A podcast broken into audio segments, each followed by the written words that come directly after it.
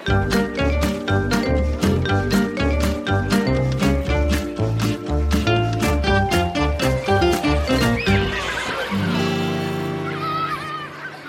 i klasserommet som fikler med nøklene, vrir på seg, roter i en medelevs pennal, legger seg ned på pulten med et stønn før oppgavearket rives i stykker. Alt mens læreren prøver å undervise hele klassen.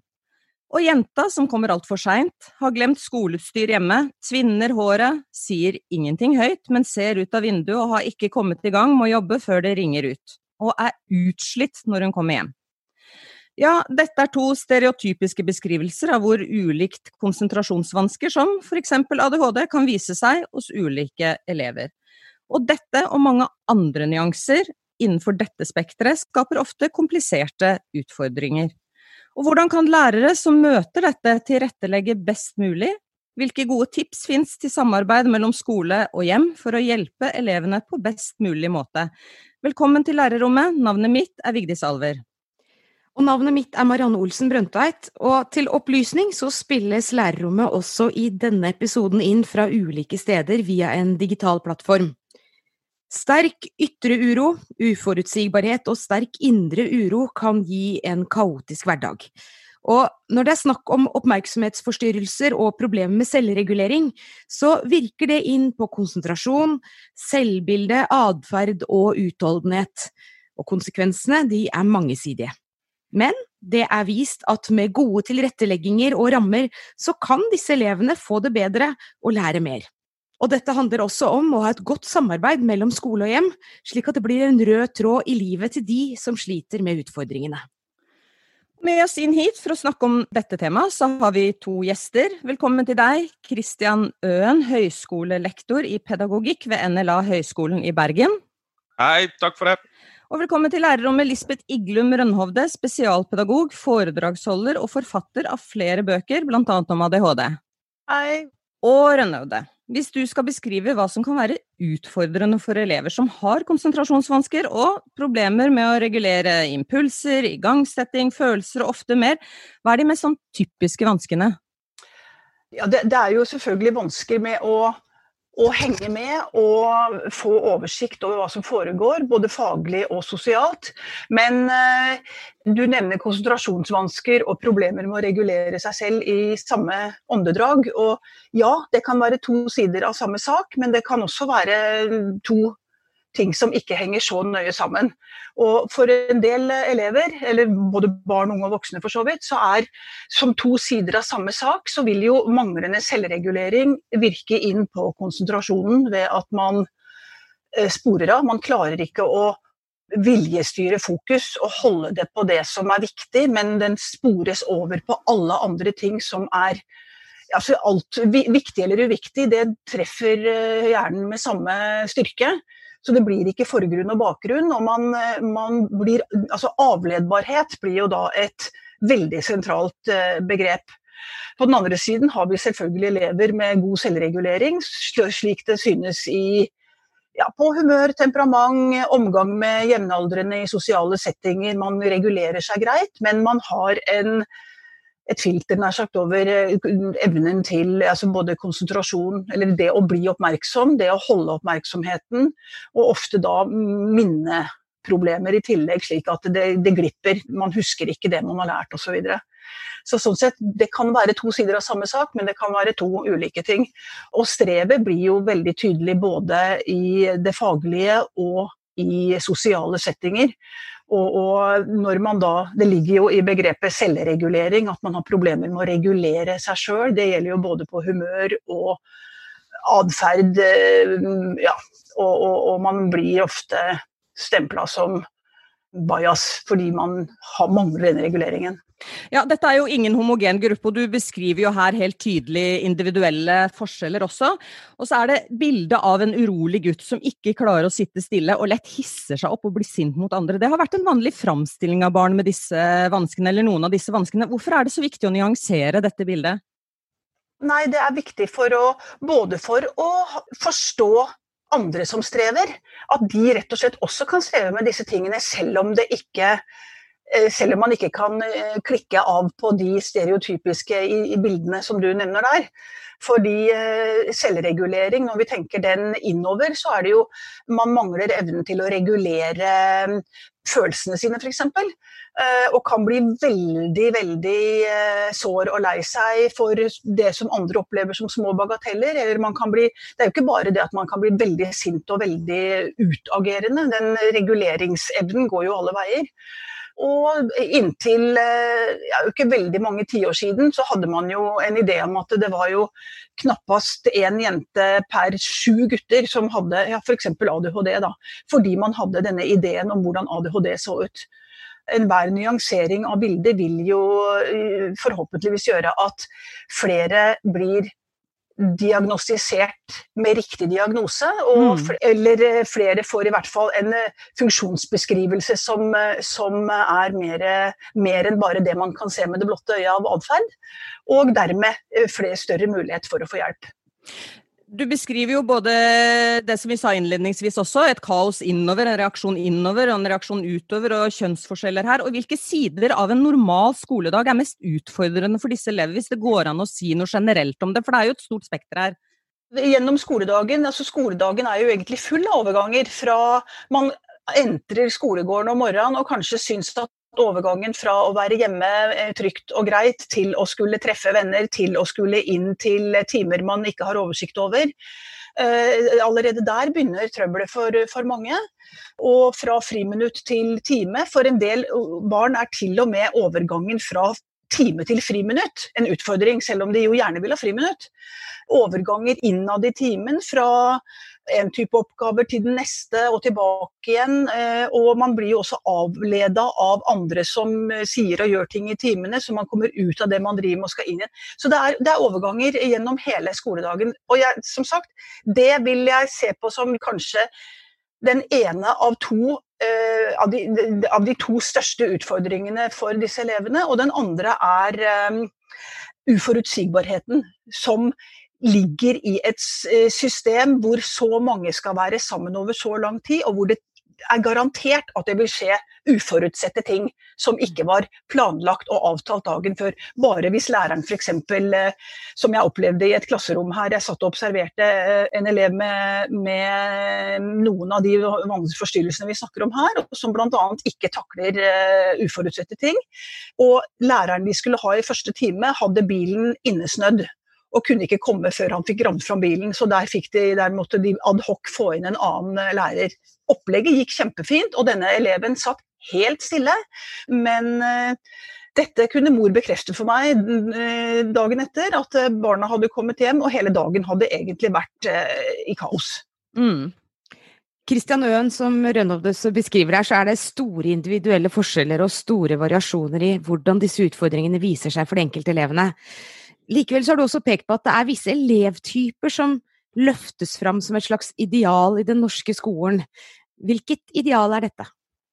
Nei, Jeg pleier ofte å si at, det, at skole i dag har jo på en måte dette her altså Vi snakker om regulering. sant? Så Det er jo et voldsomt og kanskje et økende krav til å være selvregulert og styre seg selv, styre sin egen læring, styre sitt eget humør. Eh, altså det er et voldsomt krav til å være selvregulert i den norske skolen, eh, hevder jeg. Og det er jo eh, si det, altså Hvis du går inn og ser hvordan uh, mye av litteraturen definerer selvregulering, så pleier jeg ofte å si at det her er jo nesten kjennetegnet på en del av disse utfordringene som disse barna her strever med. Sånn at det er klart at Jo mer krav man stiller til å være selvregulert, jo større utfordringer vil mange av disse barna her få. Hvilke utfordringer er det som kan melde seg? Nei, altså Det er jo litt sånn som vi snakket om, eller som Lisbeth også nettopp snakket om. Det er jo spesielt dette her med eh, struktur. på en måte. Sant? Altså Det å være selvregulert handler jo om å, å lede seg sjøl og drive seg sjøl.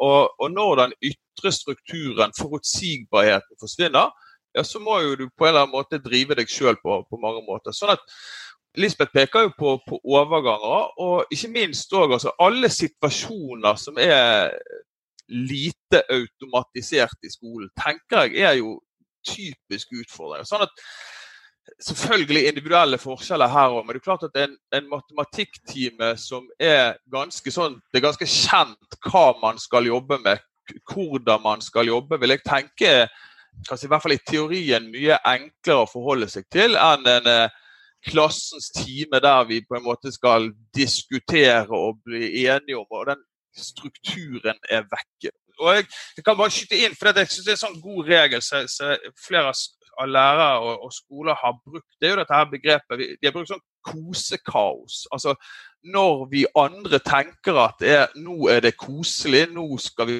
slappe av, ja, så representerer det kanskje kaos for en del av disse barna her. For da forfaller strukturene rundt. Rønhovde, du ønsket å kommentere dette? Ja, altså Bare begrepet kosekaos har jeg ikke hørt. Det var fantastisk. Jeg ser det for meg med en gang. Men, eh, men Christian nevner dette med situasjoner som er lite automatisert. Og da er det jo også det å si at barn innen dette eh, segmentet som vi snakker om her, som absolutt ikke bare er barn med ADHD, så har man også gjerne større problemer med å automatisere. Og med å ta med seg videre de erfaringene som kommer uh, fra tidligere, som gjør at ting blir automatisert. Så problemet er større enn bare det blir automatisert, så går det bra. For det, enten så sklir det ut igjen, eller så har disse barna et mye større problem med akkurat den prosessen. Ja, for Ifølge statistikken, da, altså sannsynligheten er jo svært stor for at en lærer har én eller flere elever med disse utfordringene i sin elevgruppe. Og Øen, du er jo nå stipendiat hvor du også ser på dette med lærerens kunnskap og holdninger på dette feltet. og Hvor stor kunnskap eksisterer da rundt disse vanskene, og hva som er gode tiltak for dem? Hva trenger de av hjelp fra f.eks. spesialisthelsetjeneste eller apparatet rundt skolen? Det tenker jeg, det, det, jeg tror det er veldig stor variasjon i forhold til hva, hva kunnskap lærere har om dette. Sånn, sånn at jeg tenker at jeg møter jo lærere som er veldig oppdatert og har veldig mye kunnskap, og jeg møter lærere som har mindre kunnskap på dette. her. Men eh, eh, en av de tingene som jeg ofte tenker er en utfordring i dag, er at det er for så vidt ganske lett tilgjengelig å få tak i hva si det, gode tiltak i, gode, i gåsøyne. Altså det er å, altså et raskt Google-søk Det finnes så mye god litteratur om det. Men, men, utfordringen er å ha med seg forståelsen av hva dette her innebærer, sånn at man kan tilpasse en del av disse tiltakene til det enkelte barnet og den konteksten du på en måte sjøl befinner deg i sammen med barna. Og Det er jo en av de tingene som er eh, på en eller annen måte vanskeligere å veilede på og vanskeligere å lese seg til. Jeg, jeg tror jo den, denne genuine interessen fra læreren om å faktisk undre seg over hva, hva, hva er det dette barnet trenger, hvordan, hvordan, kan vi hjelpe det, det er vel så viktig som, som tiltakene man kan lese seg til. Det, ja. Ja, du, du, nevnte klassens time tidligere. Um, hva har lærings- eller klassemiljøet å si for disse elevene? Så man snakker her om lærerens interesse på den ene siden, men altså, de er jo ikke et vakuum her. og Det er et klassemiljø som omgir disse elevene. Hvordan virker de på sine medlemmer og har, hva har medelevene ikke minst å si for deres indre ro og mestring? Jeg tror det har veldig veldig stor betydning. Eh, sånn at det, altså, Læreren som en god klasseleder er jo eh, alltid viktig, men kanskje enda viktigere i en klasse der man har barn med denne type utfordringer her. Sånn at det å Igjen, altså det handler jo om den strukturen, det handler om den tydeligheten som man trenger fra eh, den voksne. Eh, og, det er klart at det å, å, å, være et barn med denne type utfordringer og gå i en klasse der klassemiljøet er positivt, der man er støttende, der man er trygg på medelevene, det har alt å si. altså. For væremåten til disse elevene den er jo både omdiskutert, og den kan også oppfattes som plagsom eller vanskelig å forstå for andre. Og en av bøkene dine, Rønhovde, heter 'Kan de ikke bare ta seg sammen'? Hvorfor er det så mange som mener akkurat dette? At de bare skal ta seg sammen? Ja, altså det, det, må jo nødvendigvis handle om uh, manglende kunnskap og forståelse. Og så tror jo jeg at uh, hjertesukk Det er jo ikke et spørsmål. altså Tittelen har ikke et spørsmålstegn bak seg, det er et hjertesukk. Og det er vel noe vi kanskje alle har sagt eller tenkt, enten om egne barn eh, med venner eller i, i arbeid med barn og unge. Og jeg tenker at de fleste som enten sier eller tenker det, gjør det mot bedre vitende.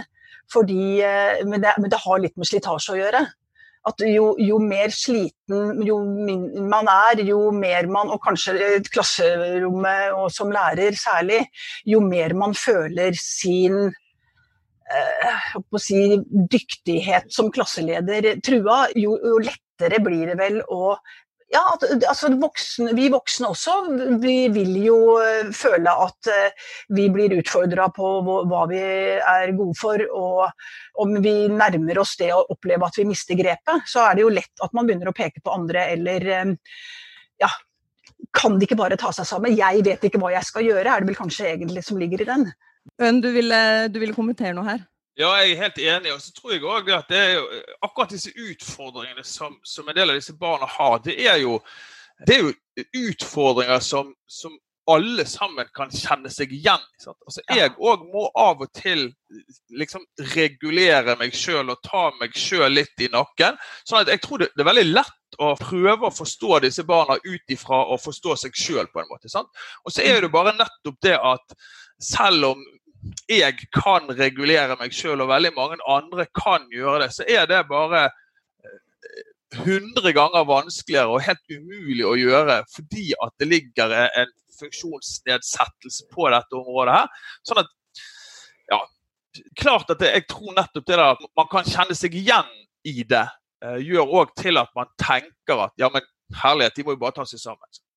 Men Rønnaud, hva, hva, er det viktigste å tenke på når det gjelder planlegging av en skoledag for disse elevene? Da? Hvilke konkrete grep er det, er det som kan tas her fra skolens side? Don't get me started, sier jeg bare. uh, Ja, hvilke grep kan man ta? Altså, når, når, eh, bare, det, gjelder jo da å sette sammen altså, Alle lærere kommer jo uh, utstyrt med hver sin verktøykasse. Og, og, den kassa blir større jo lenger man har vært i skolen. Og Hvis man tenker lærerkollegiet, til sammen så har de jo en verktøykasse så stor så det holder. Så, her, så man sitter jo egentlig og har alle virkemidlene man trenger. Men man må bare sørge for å ja, kanskje bruke de små inputene man har fra EU, sånn som det eh, overgangssituasjoner, eh, tynn i, altså uforutsigbarhetsopplevelsen, dårligere på automatiserte ferdigheter. Alle de sånne ting som vi sitter og snakker om nå. Hvis jeg da skulle planlegge for elever som, som strever med sånne ting, hvilke verktøy ville jeg da i hvert fall tatt i bruk?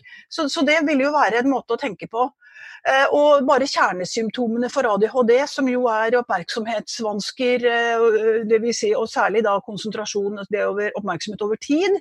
Dette med dårlig impulskontroll, som jo går på det med selvregulering, og som selvsagt er et grunnlag for den, denne hyperaktiviteten.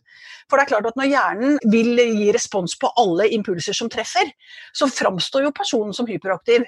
Eh, når man bare vet det, så vil jo de verktøyene som Eh, trengs, nettopp gå på OK, her har vi et eh, kort oppmerksomhetsspenn, da må vi ha korte økter. Vi må sørge for at det viktigste når inn i løpet av de første fire minuttene.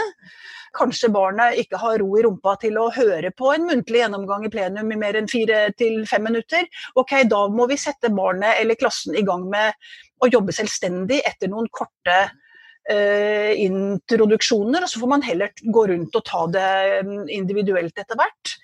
Uh, impulskontrollen som uh, gjør at man avledes av alt som foregår, ja, men da må vi prøve også å holde en del stimuli Altså sti, stimuli-tilfanget, man må prøve å redusere det.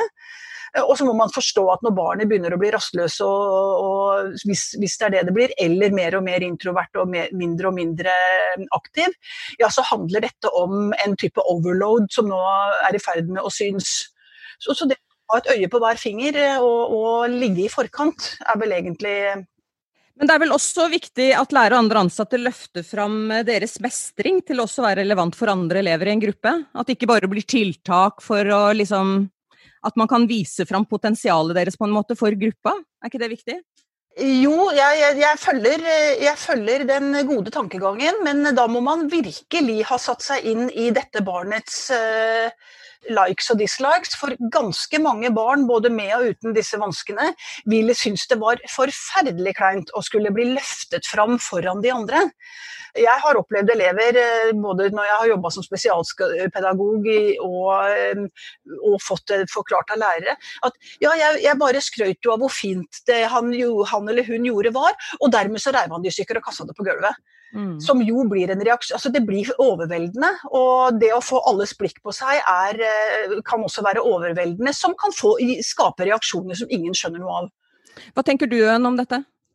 Nei, Jeg eh, følger òg det som Lisbeth sier her. og sånn at jeg tenker sånn en sånn Å løfte frem sånn en stor Oi, nå, nå, skal vi løfte frem han, på en måte. tror jeg også kan være like ødeleggende som positivt. Så jeg tror jo at det er mye viktigere å, å, virkelig være bevisst på alle disse små og si, altså denne catch them being good, uten at det nødvendigvis skal løftes så voldsomt frem. Sant? For vi vet jo altså ros opp imot eh, korrigeringer, så vet vi jo ofte snakker man om den fem til én. Og så vet vi fra forskning at en del av disse barna som strever, spesielt atferdsmessig, har jo ofte 15 til én andre veien. Sant? Altså Det å få 15 korrigeringer for hver sånn positive du får, det er det som er ødeleggende for utvikling. Sånn det å klare å snu den med å, med å, å ferske de oftere i, å gi denne lille tommel opp heller å løfte frem fra klassen, har jeg òg mye mer tro på. Ja, eh, Rønnovde? Ja, nei, Kristian mener nevner begrepet, eller ordet ros, og jeg tenker også at ros, ros, slik vi kjenner det, ofte kan ha den slagsiden at ja, både at det blir for mye, at det blir utvendig, men også at, man, at vi tror at vi booster selvfølelsen, for det er jo det som antagelig er intensjonen. Men veldig ofte Altså, jeg liker å dele opp eh, Jeg lurer på om det er Jesper Juel jeg har det fra, men jeg liker å dele opp det, det, dette fenomenet med selv, selvfølelse i Altså selvfølelse på den ene siden og selvtillit på den andre siden. Og man kan jo tenke seg til og med uh, en del av de der uh, tøffest i trynet uh, i tenårsalder kan godt ha en voldsom selvtillit utvendig uh, kulhet, mens de er, har en ynkelig liten selvfølelse på innsida som, som ikke har fått uh, mat på år og dag. Men ved å, ved å rose så er det ofte at man henger på ytre kvaliteter så fin du er, så flink du er, så fort du løper, så høyt du klart. Altså alt som går på litt sånn ytre, utvendige ting som vi ser. Mens jeg er veldig mye mer opptatt av den underliggende som, som, kanskje går mer på selvfølelsen, sånn av typen Så godt å se deg. Så fint at du kom. Du, nå trenger jeg din hjelp. Kunne du bli med meg og ordne opp i dette? Um, som, som, gir uh, eleven en opplevelse av å være viktig og å være nyttig. Og det er det vel Skålvik og Skålvik har skrevet mye om akkurat dette med hva som øker motivasjon og selvfølelse. Og der ligger ikke det å få hjelp til å bli flink, men det å få hjelpe noen, det å få være noe for noen, er langt viktigere. Øen, vi snakker mye om selvbilde og selvfølelse her. Hva kan du generelt si om denne elevgruppen, hva de tenker om seg selv og hva de mestrer? Hvor viktig er det? Jeg, jeg, tror jo mange trenger hjelp nettopp til å, å bygge opp den selvfølelsen òg. For dette her òg henger jo sammen med reguleringsvansker. på en måte. Altså det å det å evaluere seg sjøl, reflektere over sin egen, eh, sin egen framtoning, sine egne prestasjoner osv. Det krever jo nettopp denne selvreguleringen. Den å klare å stoppe opp og tenke sånn OK, nå gjorde jeg sånn og sånn. Hvordan gikk det? Jo, nei, det gikk ikke så bra. Hvorfor gikk ikke det så bra? Jo, kanskje fordi og nettopp denne undringen der, den krever jo nettopp den samme reguleringsfunksjonen. At man klarer å stoppe opp Eh, sånn at mange av disse her trenger jo òg hjelp til denne prosessen her med, med å, å, å, evaluere seg sjøl og, og, reflektere over seg sjøl og sin egen fremtid. Eh, og vi vet jo også at De som er gode på selvregulering, de er jo nettopp gode til å stoppe opp, ta den type vurderinger, sånn at de kan justere det til neste gang de er oppe i en lignende situasjon. Mens en del av disse barna her vil jo nettopp streve med det. Og så får de mye mer en sånn hva si da, attribusjon, kaller vi det for. Der man på en måte, Hvis det gikk dårlig, så var det eh, fordi jeg er dum, jeg skjønner ingenting, jeg får ikke til noen ting. som blir veldig sånn, forferdelig destruktiv både for selvfølelsen, men òg lite konstruktiv å ta det med seg inn i neste gang du er i en lignende situasjon.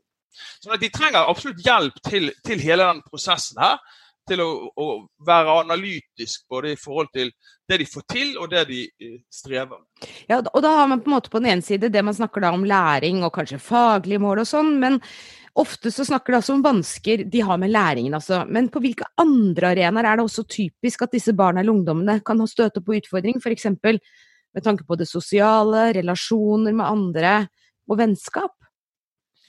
Nei, eh, eh, det, det her er jo en av de tingene som, som nå sa jo Lisbeth sted 'don't get me started'. Og det er her jeg virkelig òg kjenner at Terje Ogden har en gang skrevet noe at eh, da, altså hvis du strever i skolen med lesing og skriving, så er det skolen sin feil. på en måte. Sant? Strever du, Kommer du ut av skolen med, med sosiale utfordringer, ja, så er det barnet sjøl eller familien på en måte som må stå til ansvar for det her. Da. Og det her jeg synes det er så det, det, er på mange måter underlig, for for meg er sosiallæring og faglig læring det, det, er mye av de samme prosessene og mekanismene som er inne i bildet. Sant? Og Som lærer så tror jeg veldig ofte når vi møter elever med eh, faglige utfordringer, så er vi ganske tålmodige. Vi repeterer, vi prøver med nye innfallsvinkler osv. Når det kommer til sosiale utfordringer, Eh, dette med vennskap, med relasjoner, så er vi fryktelig raskt oppe med pekefinger. Mm. Og så sier vi 'har ikke jeg sagt', 'hvor mange ganger må jeg gjenta', 'hvor mange ganger', osv. Og tenk, hvis vi hadde brukt de samme innfallsvinklene på et barn som hadde uttalevansker, f.eks. Sagt sånn Hvor mange ganger har jeg sagt at det uttales ikke på den måten? Altså, vi hadde antageligvis blitt sparket som lærer ganske raskt. Men i forhold til sosiale utfordringer, så er dette plutselig litt stuereint å, å møte barnet på denne måten. her. Så det, klart at jeg tenker jo at det er jo dette med å ta vare på venner, knekke vennskapskoden, regulere sine egne følelser i møte med ulike situasjoner man møter i skolen. De trenger samme tålmodighet og samme hva sier du, læreren som er nysgjerrig på å, å, å hjelpe dem, på samme måte som, som om det var faglig utformet. Rønhovde, du ønsket å kommentere? Ja, Det var bare en liten digresjon, egentlig. Men den hvor mange ganger har jeg sagt, og har ikke jeg sagt, osv. Man må jo også være klar over at mange disse av disse barna har en konkret forståelse av ord og begreper. Så den der type retoriske inngang til å skulle formidle noe til ungen, den kan jo egentlig spore av hele situasjonen ved at barnet begynner å tenke noe som vil provosere læreren antagelig, eller foreldrene eller hvem det er, antagelig mer. Hvor mange ganger er det han har sagt det? Og så har vi spora hele greia ved vår egen eh, retorikk, altså. Så snakk eh, konkret. Og vi snakker her om mange sider eh, i dette mennesket, i disse små menneskene, men man snakker, kan også snakke om forskjellige arenaer som dette gir seg utslag i. En side er skolen, en annen side er hjemmet, og hvordan det oppleves eller slår ut på de ulike arenaene. Og Hvor viktig er dette samarbeidet da mellom hjem og skoleøen? Hva bør de ulike arenaene være oppmerksomme på? Eh, nei, altså Hvis vi begynner med, med skole-hjem-samarbeid, så tenker jeg at det er, det er, utrolig viktig å ha et tett og godt samarbeid der. tenker jeg. Altså, det er Bare det at det finnes et sånt samarbeid, det i seg selv representerer jo en, en, forutsigbarhet og en struktur for, for elevene. Ja, for disse utslagene disse, dette viser seg jo ikke på lik måte på de ulike arenaene heller. Så hvor viktig er det å få dette hele bildet og en forståelse for det? Nei, jeg tenker jo det er helt avgjørende. og det er jo igjen den, den nysgjerrigheten på hvorfor lykkes barnet på den og den arenaen. Hva er det som gjør til at det blir mindre symptomer der? En sånn type nysgjerrighet tenker jeg er jo viktig for en, for en sånn helhetlig kartlegging og, og tilrettelegging. Og eh, igjen så tror jeg at altså, man kan fort bli sånn si det, det her jeg synes det på en måte dette tiltaksbegrepet, at det, at det er lett å plukke ikke noe som ser ut som et tiltak, men det er vel så mye nysgjerrigheten på ja, når det går bra på fotballtreningen. Sånn, hvordan er det den treneren snakker? Hvordan er det den smiler? Altså, den nysgjerrigheten på, på, tilnærming til barnet tror jeg er vel så viktig å være nysgjerrig på som, som akkurat strukturen og ja. Ja, Renaude, du ville si noe? Ja, litt mer eh, til dette med samarbeid skole-hjem. Det er vel, i hvert fall min erfaring, så er det jo sånn at jo mer trøbbel eh, eller utfordringer eh, det er på skolen, jo større utfordringer har ofte dette samarbeidet. Men desto viktigere er det samarbeidet. Og da tenker jeg også at det er jo det er jo skolen som er den profesjonelle aktøren i et samarbeid mellom hjem og skole. Foreldrene, uansett hvor proffe de er på sin egen jobb, så er jo de eh, emosjonelt inne i saken her. Så, så, det blir skolen som kanskje må være driveren i det samarbeidet. Og det å jobbe fram en eh, felles forståelse for uh, hva som er til barnets beste, og det å løfte opp foreldrene og anerkjenne deres rolle i det samarbeidet, det blir veldig viktig. Og så er det eh, Jeg hørte et foredrag uh, um, for noe tid tilbake, men man viser til en studie av Eh, hvordan var eh, forholdet, hvordan var relasjonen i skole-hjem-samarbeidet. Da hadde man intervjuet et x antall eh, skolefolk, altså rektorer og andre, og foreldrene rundt dette samarbeidet. Og Det som var litt viktig der, det var jo at skolen var oppunder 100% på at det var et god, godt samarbeidsklima i de, i de, sakene som man da hadde sett på. Mens på foreldresida så var tilsvarende tall i underkant av 80% Så det er man må også kvalitetssikre det samarbeidet gjennom eh, altså litt sånn der på metanivå, og ikke bare drive med samarbeid, men også se litt på om samarbeidet faktisk fungerer like bra fra begge sider. Ja, Øen? Ja, nei, jeg, jeg, tenker og, og, Spesielt når det er utfordringer. Altså, det å få negative tilbakemeldinger om sitt eget barn er jo fryktelig sårt. på en og det er klart at Jeg, jeg hadde en forelesning sammen med en mor eh, som hadde et barn med ADHD for en tid tilbake. Hun, hun fortalte at altså, hver dag når klokken begynte å nærme seg ett, så kom det en sånn kvalme og uro i kroppen. Der hun på en måte bare visste at nå kommer snart den telefonen fra skolen der de forteller hva han har gjort galt i dag. Sånn at det å, å etablere et samarbeid der man tvinger seg til å formidle noe positivt òg. Ikke, ikke, det ros i den forstand, men altså det, det, er alltid mulig å melde tilbake noe positivt òg. Og, og, det å på en måte tenke denne vektingen der at man som lærer faktisk òg er helt nødt til å formidle noe positivt om barn òg. Får du denne ensidige slagsiden på hver dag fortelle hva barna har gjort galt, så er det klart at da at foreldrene skal oppleve det samarbeidet som, som godt, det, det, er helt utenkelig. Altså. Lisbeth, du hadde ønsket å kommentere? Ja, bare dette med tele Jeg har også fått mange tilbakemeldinger på det Kristian sier der, om at uh, man kjenner på den der eh, klumpen i magen på at nå kommer det snart noe fra skolen. Og bare en liten fortelling på den. Uh, det var en mamma som fortalte meg at hun da kom vel ut fra et møte eller hadde hatt telefonen på lydløs og ser at skolen har ringt, kontaktlærer har ringt, og får jo den følelsen og tenker jeg later som ingenting, jeg ringer ikke, jeg orker ikke, jeg orker ikke. Men vet jo selvfølgelig at uh, i våre dager så kan man jo ikke komme unna med at nei, det er ingen, jeg har ikke hørt noe, for man kan jo se det. Og er bare en pliktoppfyllende dame som da etter å ha trega Nei, jeg venter til i ettermiddag, jeg venter til ettermiddag, jeg venter til guttungen har lagt seg, og til slutt da ringer tilbake. Å hei, så fint at du ringte, kan du bake en kake til foreldremøtet i morgen. Og den lettelsen hun opplevde. Altså, hun kunne nesten ikke sette ord på det, fordi eh, hun ventet en av de der eh, tungvektersamtalene. Med den historien, og med det håpet, så setter vi eh, et punktum for denne episoden av Lærerom. Og takk gjestene våre, Christian Øen og Lisbeth Iglum Rønnevode, for en spennende samtale om et svært komplekst felt. Og tusen takk til alle dere som hører på Lærerrommet. Nå sier Marianne og jeg takk for oss. Det gjør vi, Vigdis. Fortsett gjerne denne samtalen et annet sted. Vi kommer tilbake med flere episoder, og inntil det, så del gjerne våre tidligere episoder videre med alle dere kjenner. De ligger i deres podkastkanal. Ha det riktig bra. Ha det. Ha det.